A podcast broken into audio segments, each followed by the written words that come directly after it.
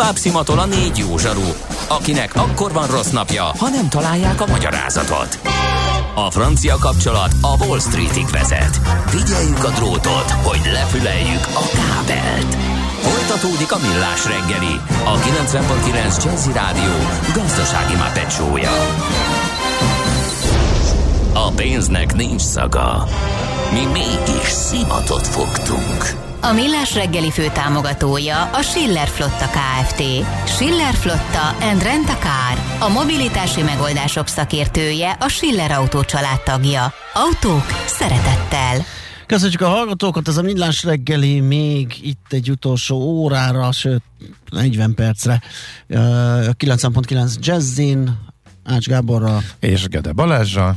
És 0630 20 10 909 az SMS WhatsApp Viber számunk. Azt mondja, hogy sziasztok, aranyköpésről a zsugabubus, Terence Hill. Mást mondana mondja Prejumen. Igen, lehet a zsugabubus tényleg. Ezt nem hallottam. Sokféle búbust hallottam De hát már. az volt a neve a nem tudom melyik filmben. Amikor kártya, persze, amikor ilyen hülye kártyás játszott, és itt széteríti a lapja. Nem, akkor az kimaradt. És ráadásul így kifele, a játékos társak felé, és így néz körbe. Ez megvan, nagyon... ez ma megvan, de maga kifejezés Az a csaj hívta mindig zsugabubusnak, ott csimpaszkodott rá valami szöszi. Aha. Valami ilyesmi jelenet. Na melyik film? Most már akkor hát, tudjuk, most már tudjuk meg. Most hallgatók tudni fogják. Hallgatók, persze.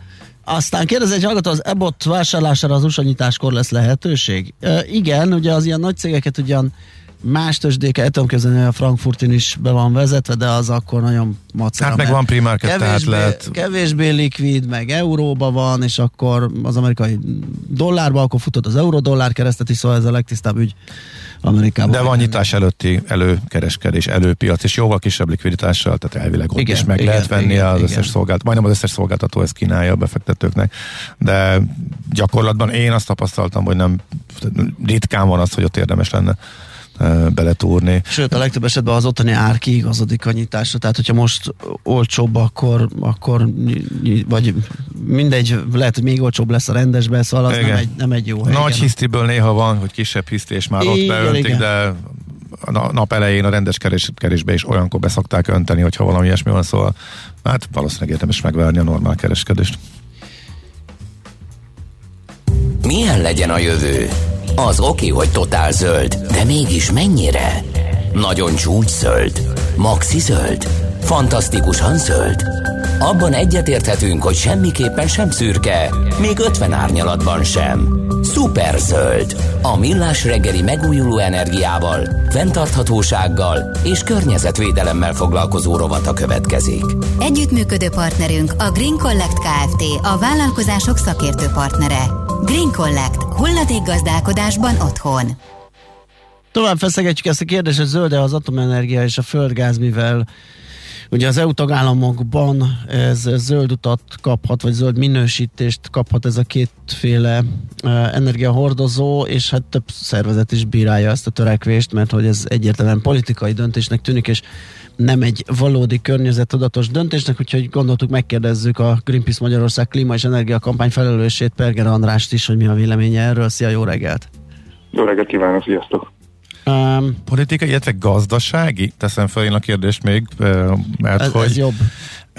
Igen, tehát az a nagy helyzet, hogy elszálltak az energiaárak, Németország példája azt mutatja, hogy nagyon-nagyon eh, helyesen, nagyon előremutatóan, inkább úgy mondjuk elindultak a zöld energia irányába, eh, de most meg problémáik vannak, és idéglenesen áthidaló megoldásként eh, rákényszerülnek a gázra, más viszont szintén áthidaló megoldásként tekintene az atomra, és ebből És az energiakrízis nagy... nélkül is ugye egyelőre, amíg a tárolás kiegyenlítés problémája nincs nagyon megoldva, addig tényleg megy egy vita, hogy csak Igen. az alternatív forrásokkal megoldható egy kontinens energiaellátása.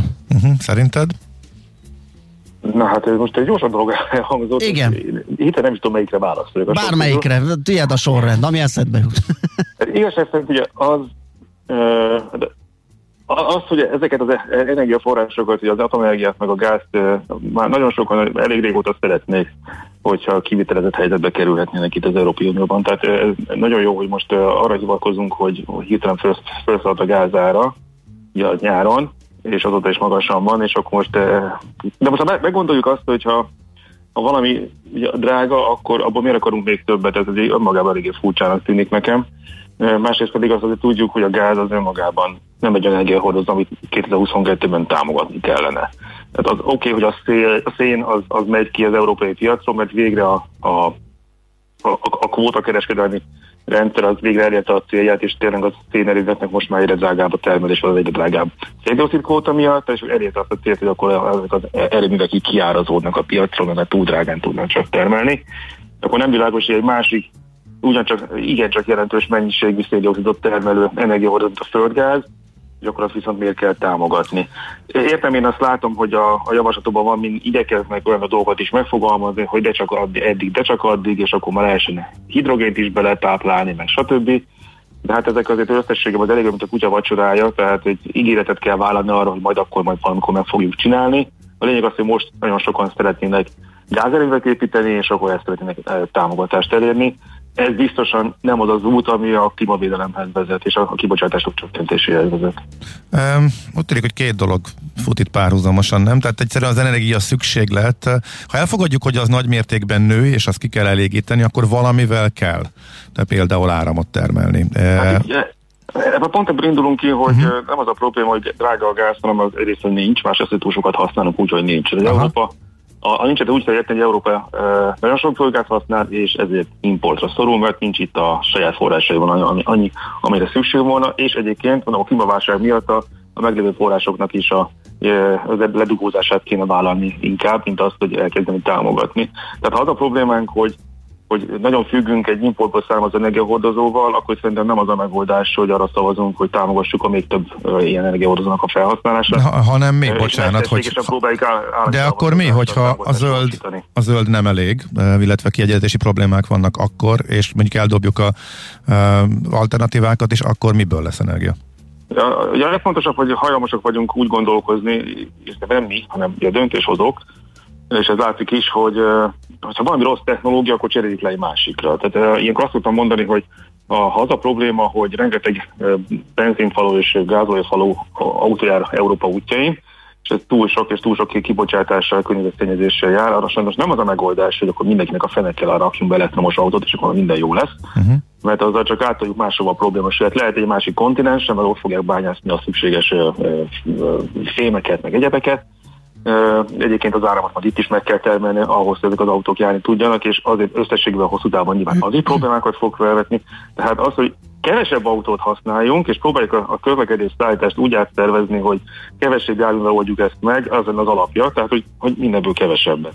És sajnos a gázválságot, jelenlegi energiaárválságot úgy megoldani, hogy hogy uh, akkor elkezdünk el dotálni valamilyen módon valamelyik energiahordozókat, az hosszú távon biztos nem vezet eredményre, Főleg mondom, hogyha importból származó energiahordozókat, amiket ráadásul klímaválságot fokozzák, ezeket támogatjuk, Jelenleg inkább úgy tűnik, hogy jelenleg futó problémákat és egyes országok jelenlegi problémáit keresnek megoldásokat, de ez a hosszú távon, és közben viszont arra hivakoznak, hogy ettől tőle minden, ez hosszú távon biztosan nem járható. De pont azt mondják, hogy nem hosszú távú megoldásként, hanem átmenetiként gondolnak erre, ugye bár amíg... Én, én, meg, nem, én meg nem láttam, a, a, aki energiapiacon befektetett és rövid távra tervezte ezeket a befektetéseit. Ezek mindig hosszú távú évtizedes befektetések, a megtérülések évtizedekben mérhető, nem azért építünk egy nagy darab vasat, hogy aztán három év vagy öt év múlva kikapcsoljuk. Ja, nem, nem, nem is három, nem, nem három év, öt évről, de mondjuk atomerőmű az 20 Nem, nem, nem. Atomerővük, atomerőveknél sem arról van szó, hogy új atomerőmű építést támogatnák, hanem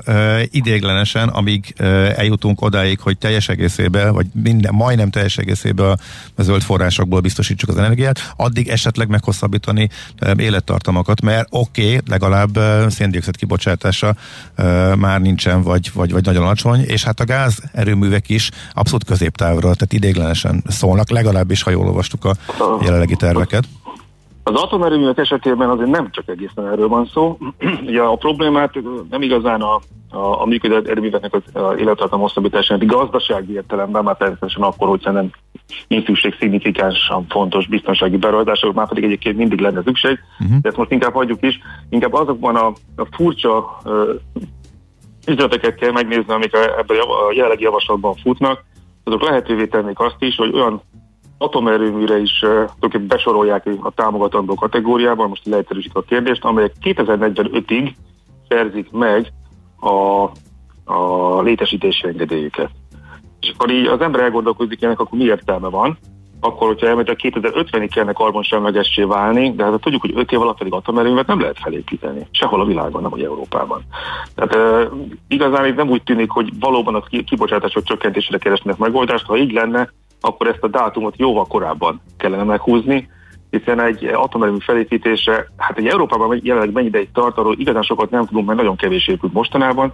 A finn meg a francia atomerőművet látjuk, ezek már csak 14-15 éve épülnek. Hát innen indulunk ki, akkor 2030-2035 körüli engedélyezendő atomerőműveknek lehet, atomerőket lehetne besorolni a támogatandó kategóriában. Nem tudom, elnézni, én bonyolultan fogalmazott, hogy hosszú. Nem. De, de hogy 2045-ig is megengedni, hát azok, azok aztán békén biztosan nem segítenének rajtunk a klímaválságban, hiszen addig már réges túl vagyunk azon a dátumon, amikor Igen, de a, kellett volna épülni, hogy kiváltsunk vele széndiokszid termelő energiaforrásokat, de ne, nem láthatóan nem ez a cél. De ez azt a küldetését beteljesíteni az atomerőmű, gondolom, a karbonsemlegességi kérdést, meg a széndiokszid csökkentést, ugye vele más probléma van ott az atomhulladék tárolása, keletkezése és tárolása hát, a probléma. Igen, hogyha Mikulás hozna nekem, nem tudom, egy, egy hatalmas autót, és akkor, akkor az én, én is boldogabb volnék. Körülbelül ez a, ez a szintjenek a dolognak, hogy hogy ezt értsük, tehát az atomerőművek nem alkalmasak arra valójában. Jó hangzik, hogy nem bocsájtanak ki széndiokszidot, mert ez igaz. De valójában, hogy tényleg érdemben képes-e az atomenergetikai ipar segíteni nekünk abban, hogy érdemben csökkentsük a kibocsátásainkat, hát hány atomerőmű épült itt az elmúlt 30 évben Európában? Hát közel a nullához, inkább ezek bezártak, egyre fogyó a számuk, és ez nem azért van, mert, mert nagyon hangosan kiabálnak egyesek az utcákon, hanem azért van, mert borzasztó az atomerőművek, ráadásul a tudikukkal sem tudnak mit kezdeni, és innentől kezdve nem az a probléma, hogy egyesek nem szeretik, hanem azt, hogy nem éri meg őket építeni. Túlzottan sok problémával jár a megépítésük, cserébe nem is épülnek. Ha megnézzük, hogy Paks 2 program mikor kezdődött? 2008-ban, akkor kezdett el a, a Paks atomerőm ezzel a kérdéssel foglalkozni. Itt vagyunk 2022-ben, és még mindig nincsen engedélye annak az erőműnek, a építési engedélye, amelyről 2014-ben mennyit vitáztunk, hogy aláírták hogy a Moszkvában a szerződéseket, mi mindig sehol se tartunk. Most 2030-at ígérnek, hogy esetleg addigra meg fog épülni, meg már most mondom, hogy még engedély hiány, de ha meg is lenne, akkor is nagyon feszített lenne ez a 8 éves menetrend. Nem biztos, hogy teljesíthető volna, de akkor is már 22, 20, 22, 23, 24 évről beszélünk. Tehát, hmm. Oké, okay, hát akkor ezzel nincs probléma. Akkor, legalább, akkor és 2050-ig nullára kell csökkenteni a kibocsátásainkat, és itt meg kéne építeni százasával az atomerőműveket, akkor ezek nem, nem látom, ezek hogy fognak tudni megvalósulni. Ne, ne, senki nem akar százasával. Akkor ezt pipáljuk ki, és tételezzük fel, okay, ez a tételezzük fel, igen, hogy akkor az atomerőmű kilőve és nem alkalmas erre. Akkor hogyan tudjuk áthidalni azt a problémát, amit elég sok energetikustól hallunk, mi laikusok vagyunk, tehát mi csak azt mondrázzuk, ami jön az egyik oldalról, hogy uh, ugye... Az energia szükséglet nő. Ez energia szükséglet nő, sokszor felmerül, hogy, hogy ugye itt az értéklánc ellátási problémák miatt akár újabb gyártást kéne visszatelepíteni a kontinensre, tehát biztos, hogy nem fog csökkenni, meg egyébként is növekvő gazdaságokról beszélünk, hogy hogy lehet ezt mind alternatív energiával meghajtani ezt a hatalmas gazdaságot? Nyilván csomó mindenben gondolkodásunkon azért változtatni kell. Az, hogy növekszik az energiaigény, az nem minden tekintetben igaz. Tehát az összenergiaigény azért messze-messze nem feltétlenül növekszik, hanem olyan értelemben, mint hogy ezt és a képzelik, ami a problémát igazán jelenti, az a, az, hogy az energia felhasználásban a súly, a, a primer energiahordozók felől, tehát mint gáz, szén, olaj, stb., azokra áthelyeződik villamos energiára a súly. Tehát, hogy egyre több áramot használunk, Aha. egyébként közben az adott országoknak, az uniónak az igénye nem növekszik olyan mértékben, legalábbis olyan mértékben biztos nem, hogy a villamos energia felhasználás növekszik. De az biztos, hogy hosszú távon ez a típusú változás és ez a típusú növekedés sem tartható fent. Tehát annak alternatívája, hogy hat, hatékonyabban és takarékosabban bánjunk minden energiahordozóval, nem csak az árammal, hanem a földgázzal, meg a, szén, a szénevékét. Olaj, most, most mondom ezeket, de nyilván ezeket, de úgy kell takarékoskodnunk, hogy meg is szabadulunk a posztis energiahordozóktól. Ezeknek nincsen alternatívája. Az, ahogy mondom a példát a, a, villanyos, a villamos autókra, meg a, a gázolajos vagy benzines autókra, hogy ezeknek csökkenteni kell a számát, csökkenteni kell a felhasználását, mert a, a környezeti kárai azok egyértelműen jelentkeznek, és a vége mindig azzal fogunk szembesülni, hogyha folyton növekszünk, növekszünk, növekszünk, növekszünk, és többet és többet és többet akarunk használni, hogy akkor minden minden drágább lesz. A, a, a jelenlegi drágaságnak is az egyik hajtó ereje az, hogy túl sokat használunk. Jó, és tétele, a tételezzük fel, hogy nem tudjuk megoldani a, a felhasználási mennyiséget, tehát hogy ö, akkor legyen a növekedés kisebb ütemű, a lényeg az, hogy ahogy említed, ugye az elektrifikáció azért önmagába véve csak nőni fog, mert kiváltunk más energia felhasználási módokat, akkor azt hogy fogjuk tudni megoldani? Hát egy, nagyon érdekes kísérlet zajlik erre itt Németországban, hogy ezt hogy lehet úgy megcsinálni egyszerre a, a megújókra való átállást, közben az atomenergiától is, meg a foszilis energiahordozóktól is megszabadulunk. Hát sokan tüszkölnek is ettől, az az egyik része, mert nyilván ez egy, egyfajta gondolkodásváltás, meg paradigmaváltás is, és uh, sokaknak nem tetszik, mert sokat nem, nem értik. Én tovább is azt gondolom, hogy az, ami Németországban, Dániában főleg zajlik ezen a de más Európa más országaiban is zajlik, az előbb-utóbb fog érni de hogy nem konfliktusmentes, az egészen biztos, és nem feltétlenül csak azért, mert egyesek nem látják, mi a jövő, hanem fizikai, piaci, gazdasági, mindenféle konfliktusokat nyilván ez okoz, de a trend mégis az, hogy e felé megyünk.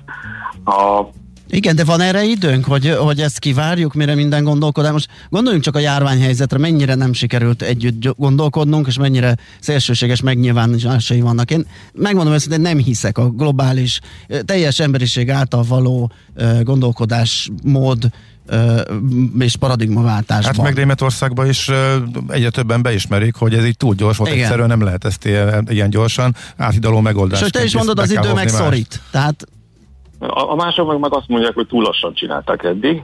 De a jelenlegi kormánykoalíció pedig pont azt mondja, hogy gyorsítani kell még jobban, mert a, az eddigi német kormányzat főleg az utolsó egy-két évben nem volt elég bátor és elég gyors ezen a téren.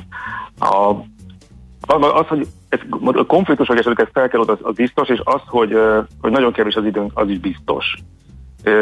Azt, hogy mi lesz a vége, azt nyilván én nem látom, az viszont én nem gondolom, hogy számon lehet kérni átalakítás közben bizonyos dolgokat, például akár mint Németországon. Uh-huh. A, a, azok a villamos energia, és energiarendszerek, amiket jelen pillanatban használunk itt Európában, azok, azok sem 3-4-5 év alatt épültek ki, és ezeknek, ezeknek most egy ilyen fontos, egy paradigmaszerű vált, leváltása, megváltoztatása zajlik Németországban, tehát ilyen távon néhány év után számon kéne, hogy de hát nem értetek el oda, amit ígértetek, hát persze nem értek el oda. Hát ahol most tartunk, odaig évtizedekig tartott, amíg eljutottunk. Oh, ne, ne, nem ez képest az, amit azt mondom németek, hogy két évtized alatt szeretnénk megugrani ezt az atomerőművesztelési és a szénerőművesztelési nagyságrendileg megszabadulnak. Ne, ne, nem, nem ezt kérjük, nem ezt kéri számon, de senki, hát csak kiszámolták, hogy hát, hát, nem, nem, hát kiszámolták, hogy így ebbe nem lesz elég energiájuk, tehát kénytelenek lesznek beszerezni más, mert hogy kevés lesz, mert hogy, mert hogy így igazából a rendszer nem fog működni. Tehát ez, most szeretjük, nem szeretjük, e, ezt mutatják a számok, legalábbis e, nekik ott a szakértőiknek, ahogy ez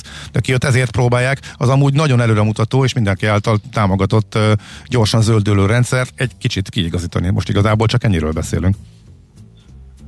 Szóval mi lesz, azt most én nem fogok tudni megmondani, az biztos, hogy eddig is olyan vádak értek például a német átalakítást, hogy, hogy importálnak energiát, de ez pedig persze nem volt igaz. Éppen, Németország exportál nagyon sok energiát, ami csak ugye két, két kettős ez a, ez, a, ez a történet. Az egyik az, hogy hogy van egy Németország, ami viszont nem önmagában létezik, hanem egy európai piacon létezik. Tehát hoz döntéseket a maga számára, a saját országán belül, például átállnak a megújulókra, de közben van egy, működik egy európai piacon is, aminek olyan hatásai, következményei vannak, hogy például államot tud exportálni, de nem az, és ezért szénerőművet is üzemeltet, de nem azért üzemeltet olyan nagy mennyiségű szénerőművet, mert a saját ellátására szorul, hanem azért, mert az európai piacon nagy volt a kereslet a szénnel termelt energiára, például Franciaországból is vásároltak Németországból szénnel termelt energiát. Ez önmagában lehet vizsgálni azt a dolgot, hogy mi van Németországban, de ne felejtsük el arra, hogy egy európai piacon vagyunk, uh-huh. ami egyébként egyáltalán nem baj, mert egyébként éppen az a útja ennek a dolognak, hogy a, egy, a nemzetállamok feletti együttműködés, most is látszik, hogy ezek működnek, és egyébként további az együttműködést elmélyítő intézkedésekre, beruházásokra van szükség. Nemrég jelent meg egy ábra, ami azt mutatta, hogy azt mutatja, hogy az elmúlt évtizedben hogyan alakult a a szél energiának és a napenergiának a termelése, és azt lehet látni, hogy ö, szépen kiegészítik egymást. Tehát gyakorlatilag ugye nyilván nem napi szinten, és ez nyilván nem jelent megoldás mindenféle probléma egyáltalán, de látszik, hogy ö, évszakos szinten van egy eltolódás, inkább a nyári hónapokban süt a nap, nyilván, és inkább a téli, őszi-téli hónapokban van szél. Tehát ilyen szempontból van együttműködés, de ez például egyes adott országokban nem biztos, hogy ilyen szépen kirajzolódik, de európai méretekben már látszik, hogy ez itt, hogy ennek van egy ilyen következménye, hogy nagyon sok szélenergiát, nagyon sok szélturbinát, nagyon sok naperőművet telepítünk, tehát ezeknek nyilván lennének szinergiái, hiszen vannak olyan országok, ahol inkább sütanak, meg vannak olyan országok, ahol inkább fúj a szél. Azt, hogy megpróbáljuk mindenki magának megtermelni, és utána felhasználni az energiát, annak nem sok értelme van, hiszen mondjuk Dánia tud annyi szélerőművet telepíteni, amivel bőven tud ugye mhm. termelni azt az és mint aminek szüksége van. Hát akkor miért tudna adni olyanoknak belőle, akiknek meg szüksége van rá, mert éppen náluk nem süt a nap. Vagy éppen az oroszok elgáznak a tozgáscsapatnál, bocsánat, ilyeneket mondok, uh-huh. de uh, a, ki kell, nyilván ki kell szabad abból, a, a, abból, hogy mindenkinek magának kell mindent megoldania, Egyébként pont azért vagyunk az Európai Unióban, úgy tudtam, hogy pont erre ne legyen szükség, hanem uh-huh. legyen szolidaritás, meg ilyesmi. Itt persze már be lehet hozni az aggályokat, hogy, az, hogy például pont a, a, a, a, a járvány okozta válságban ezt annyira nem láttuk megvalósulni, de ez egy olyan rendszerhiba, amit azért ki lehet igazítani, hogyha, főleg, hogyha okosak vagyunk és elfogadjuk, hogy ha valamit rosszul csináltunk, akkor azt lehet másképp is. Világos. András, ezt csak abba hagyni tudjuk befejezni, nem? Hát így, meg, hogy így legyen. Már tehát... nincsen soha végenek a kérdésnek, Igen. majd vége lesz, de hogy azt kell látni, hogy jelen pillanatban egy nagyon nagy átalakulás már zajlik. És nyilván nagyon sok kérdés van, az hogy lehet a legkevésbé fájdalommentesen levezényelni, erről folyó vitákat látunk. Én abban egyáltalán nem látok problémát, hogy ilyen kérdésekről vitatkozunk, hogy a földgáz meg a gáz meg az uh-huh. atomenergiának a szerepe, mert miért ne vita, vitázhatnánk, hiszen demokratikusan uh-huh. gondolkozunk, akkor ez szükség van. Persze. Ugye azt gondoljuk, hogy a jelenlegi javaslat, ami az Európai Unió előtt van, az, az hibás. Jó. Világos. Oké, okay, nagyon köszönjük, hogy beszélgettünk. Szép napot kívánunk. Én is köszönöm, Szia. minden jót. Perger Andrással, a Greenpeace Magyarország klíma és energiakampány felelőssével beszélgettünk az atom és a földgáz létjogosultságáról, mint zöld energia. Igen. A zöld utat kaphat-e az EU tagállamaiban? Pont tegnap volt a portfólión egy cikk arról, hogy németek mit lépnek, ugye bukták a terveiket a, a széndiokszid kibocsátásra a vonatkozót már az elmúlt években is, úgyhogy most a legfrissebb az, hogy nagyon brutálisan a szél irányába fordulnak, uh-huh. és fölkészülve a lakosság ellenállásra is, de a természetvédők sem elégedettek ezzel, szóval nagyon-nagyon nagy téma ez Igen. Most. Portfóliós cikket ajánljuk ezzel kapcsolatosan a figyelmetekbe még. A Millás reggeli megújuló energiával, fenntarthatósággal és környezetvédelemmel foglalkozó rovata hangzott el. Szuperzöld, hogy a jövő ne szürke legyen, hanem zöld. Oké. Okay. Együttműködő partnerünk a Green Collect Kft. a vállalkozások szakértő partnere. Green Collect. gazdálkodásban otthon. Tőzsdei és pénzügyi hírek a 90.9 jazz az Equilor befektetési ZRT szakértőjétől. Equilor, 30 éve a befektetések szakértője. Józsa Bence junior elemző a telefonvonalunk túlsó végén. Szia, jó reggelt! Jó reggelt, üdvözlöm a hallgatókat! Hogy állunk, hogy nyitottunk, mit csinál Európa? Jól nyitottunk, pluszban nyitott a Bux Index, amikor most beszélünk 1,3%-os emelkedés mutat a Bux Index 51.805 ponton. Egyébként a forgalom is jó, már közel 1,9 milliárd forint volt a Bux Index forgalma, a vezető részvényeket tekintve az OTP 17.380 forinton 2,6%-os emelkedés mutat, a Richter is emelkedik 0,9%-ot, 8250 forinton áll, és a MOL 2664 forinton 0,1%-os pluszban, a Magyar Telekom pedig nem változott a tegnapi záróárhoz képest továbbra is 422 forinton. Milyen mázlink van, hogy Amerikában a kereskedésen belül szétcsapják a piacot, aztán még ott a végéig vissza is húzzák, mi meg ugye mi csak a végeredményt látjuk, úgyhogy gyakorlatilag nem ragad át ránk ez a rossz hangulat. Hát és az elmúlt napokban egyébként inkább, inkább lefelé csordogáltunk, itt ugye főleg az orosz-ukrán konfliktussal magyarázható ez. De egyébként most emellett még a mai nap fontos lesz majd a Fednek a kamatő tűlése, és meg azóta elhangzottak, ez majd ugye magyar idő szerint 8 órakor uh-huh derül ki. Európában egyébként mi újság hasonló a helyzet? Ilyen egy százalék fölötti pluszok vannak, mutatkoznak? Vannak egyébként, igen, a német tőzsdeindex, a DAX is 1,8%-os emelkedés mutat, a francia tőzsdeindex is 1,7%, úgyhogy most egy jelentősebb pozitív korrekciót látunk az elmúlt napok eladási hullámát tekintve, ugye itt a nagyon megértek a befektetők meg a, uh-huh. Az orosz-ukrán konfliktus miatt. Mi a helyzet a forinttal? Ugye tegnap az MNB döntésére láttunk némi erősödést, ez folytatódik-e, vagy megőrizte azt a pozícióját a forint? Hát most az euróforintot nézzük, akkor azt látjuk, hogy 360 alá sikerült beütni a forintot az 50 bázispontos kamatemeléssel, most 359 forint 22 fillére az euróforint árfolyama, tehát 55 fillért emelkedett az árfolyama az áruához képest, a dollárforint pedig 318,15 forinton áll, itt 73 fillér volt az emelkedés. Oké, okay. meglátjuk mi lesz ebből, ugye az este lesz az izgalmas, ahogy említetted, majd 8 óra után a Fed döntése, úgyhogy azt majd csak holnap reggel tudják leképezni a hazai befektetők. Köszi még egyszer, jó munkát! Köszi, viszont! Józsa Bence junior elemzővel néztük át a tőzsdenyítás részleteit, és uh, lehet, hogy én mazsolázok az SMS-ek közül, amik te esetleg hívod a következő beszélgető partnerünket. Hát egy gyors zene is lesz, de rögtön beszélgetünk, igen. Tőzsdei és pénzügyi híreket hallottak a 90.9 jazz az Equilor befektetési ZRT szakértőjétől. Equilor, 30 éve a befektetések szakértője. Érdekel az ingatlan piac? Befektetni szeretnél? Irodát vagy lakást keresel? Építkezel, felújítasz? Vagy energetikai megoldások érdekelnek? Nem tudod még, hogy mindezt miből finanszírozd? Mi segítünk! Hallgassd a négyzetmétert, a millás reggeli ingatlan rovatát. Ingatlan ügyek rálátással. Tavaly a fővárosban 8400 darab 8400 darab társasházi lakás ö, talált gazdát, és hogy kontextusban helyezzük ezt a számot, ö, elmondom, hogy 2006-ban és 2017-ben volt ennél nagyobb a forgalom, úgyhogy ez egy ilyen 15 éves távlatban is egy dobogós hely. Valko Dáviddal az OTP elzárókban vezető elemzőjével keressük az okokat, és fürkészük a jövőt, hogy ez mennyiben maradhat fönn ez a trend. Szia, jó reggelt! Sziasztok, köszöntöm a hallgatókat.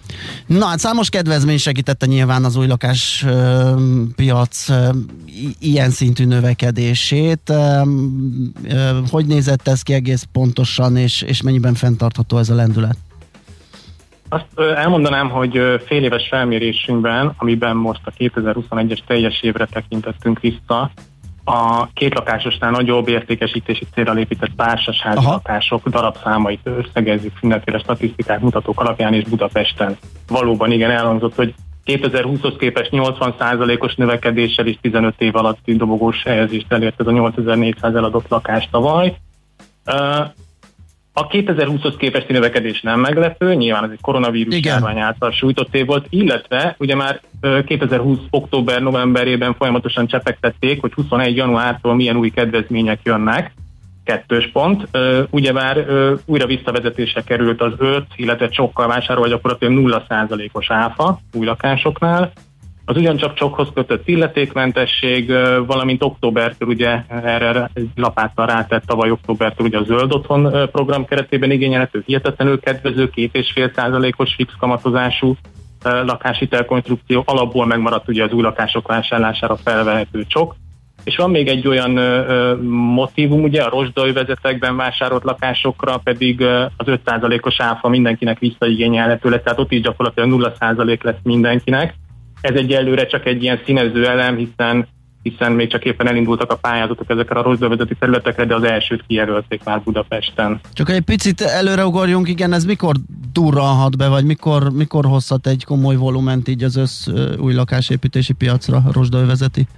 A rozsdővezet az mindig is nagyon meghatározó volt, tehát ez nem, nem egy újdonság, hogy akkor most hirtelen ott kezdenek keresgélni a beruházók, de azért egy ilyen, ilyen kecsegtető ajánlattal még, hogy a vevők ott igazából áfamentesen vásárolhatnak Aha. majd lakást. Szerintem, szerintem szépen lassan elkezdenek majd uh, uh, megjelenni az ilyen, ilyen területek. Ugye pályázni lehet, és mondom, tavaly, tavaly évleg végén talán akkor jött a hír, hogy egy Váci út mellett egy vegyes funkciós területen sok száz lakás építésére is ez majd igényelhető lesz. Ha már említésbe kerül, vagy említésre került a Vációt, a kerületi megoszlás szerint, hogyha a fővárost vizsgáljuk, akkor hogyan, hogyan uh, produkáltak a kerületek ebben az össz uh, nagy 8400-as lakásszámban?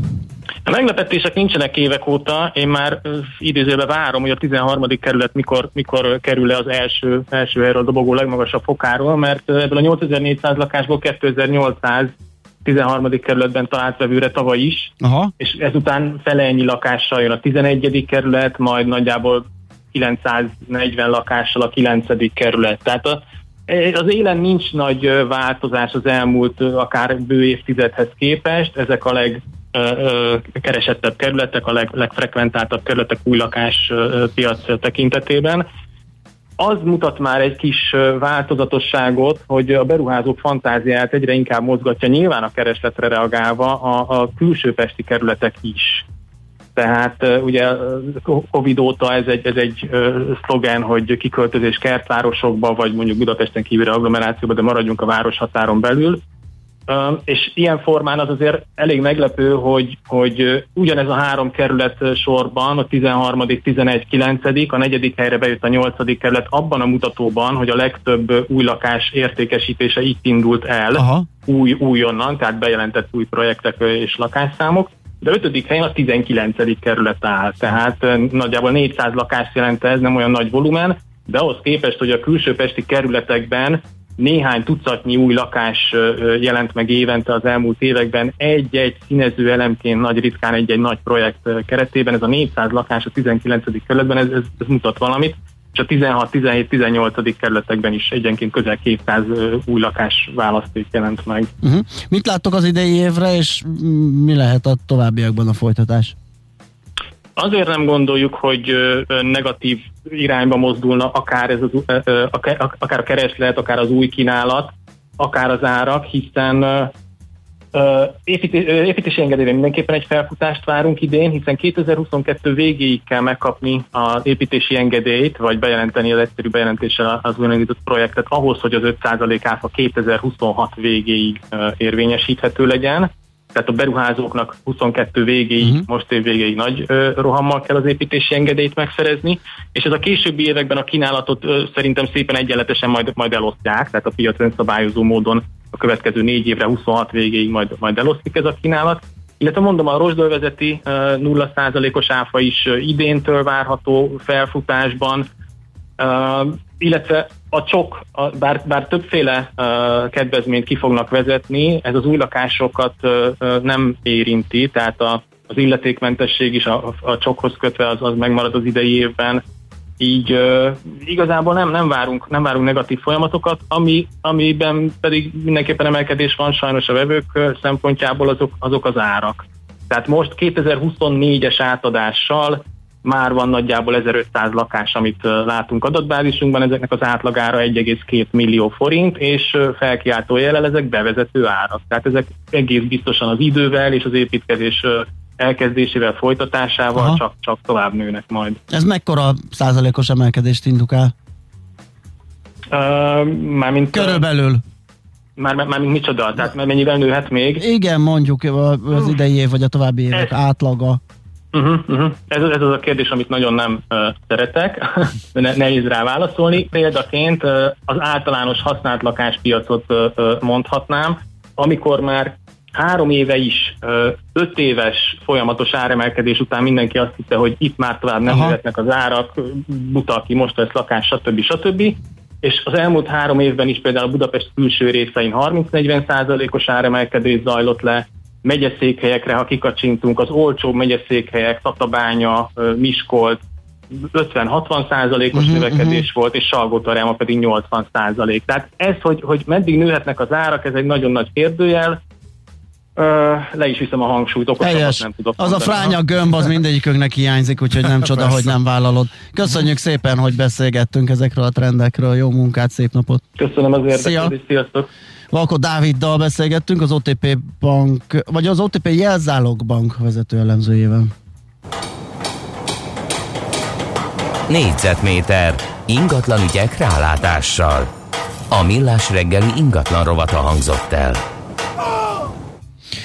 Nos, kérem, tisztelettel ennyi fér bele. Nagyon megpörgette a hallgatókat ez az energetikai beszélgetés. Alapvetően azt vettük észre, hogy nem, nem volt meggyőző ez a, ez a, az az irány, ami teljesen elveti az atomerőművek létét. Körülbelül így tudom zanzásítani az összes üzenetet.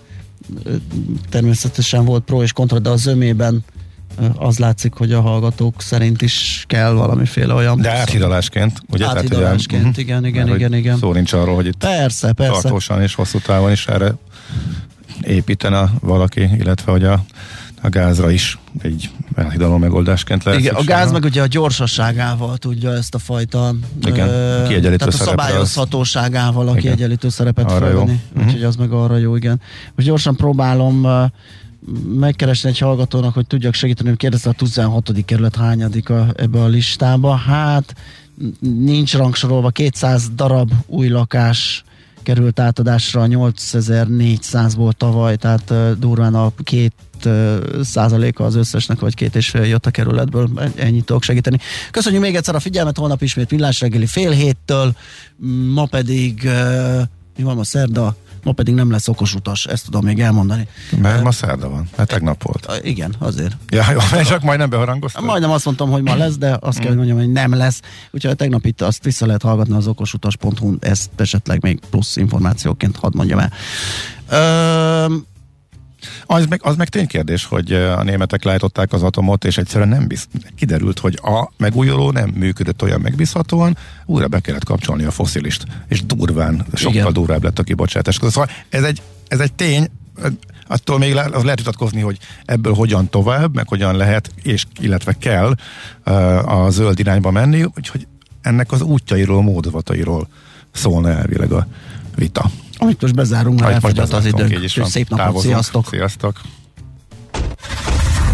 Már a véget ért ugyan a műszak, a szolgálat azonban mindig tart, mert minden lében négy kanál. Holnap reggel újra megtöltjük a kávés bögréket, beleharapunk a fánkba és kinyitjuk az aktákat. Addig is, keressetek minket az arcaktákban, a közösségi oldalunkon. A mai adás podcastjét pedig holnapunkon. Millás reggeli, a 90.9 Jazzy Rádió gazdasági mapet show-ja. Ha csak egy műsorra van időd idén, tégy róla, hogy ez legyen az. Csak egy dolog lenne még. A Millás reggeli fő támogatója a Schiller Flotta KFT. Schiller Flotta and Rent a Car. A mobilitási megoldások szakértője a Schiller Autó tagja. Autók szeretettel.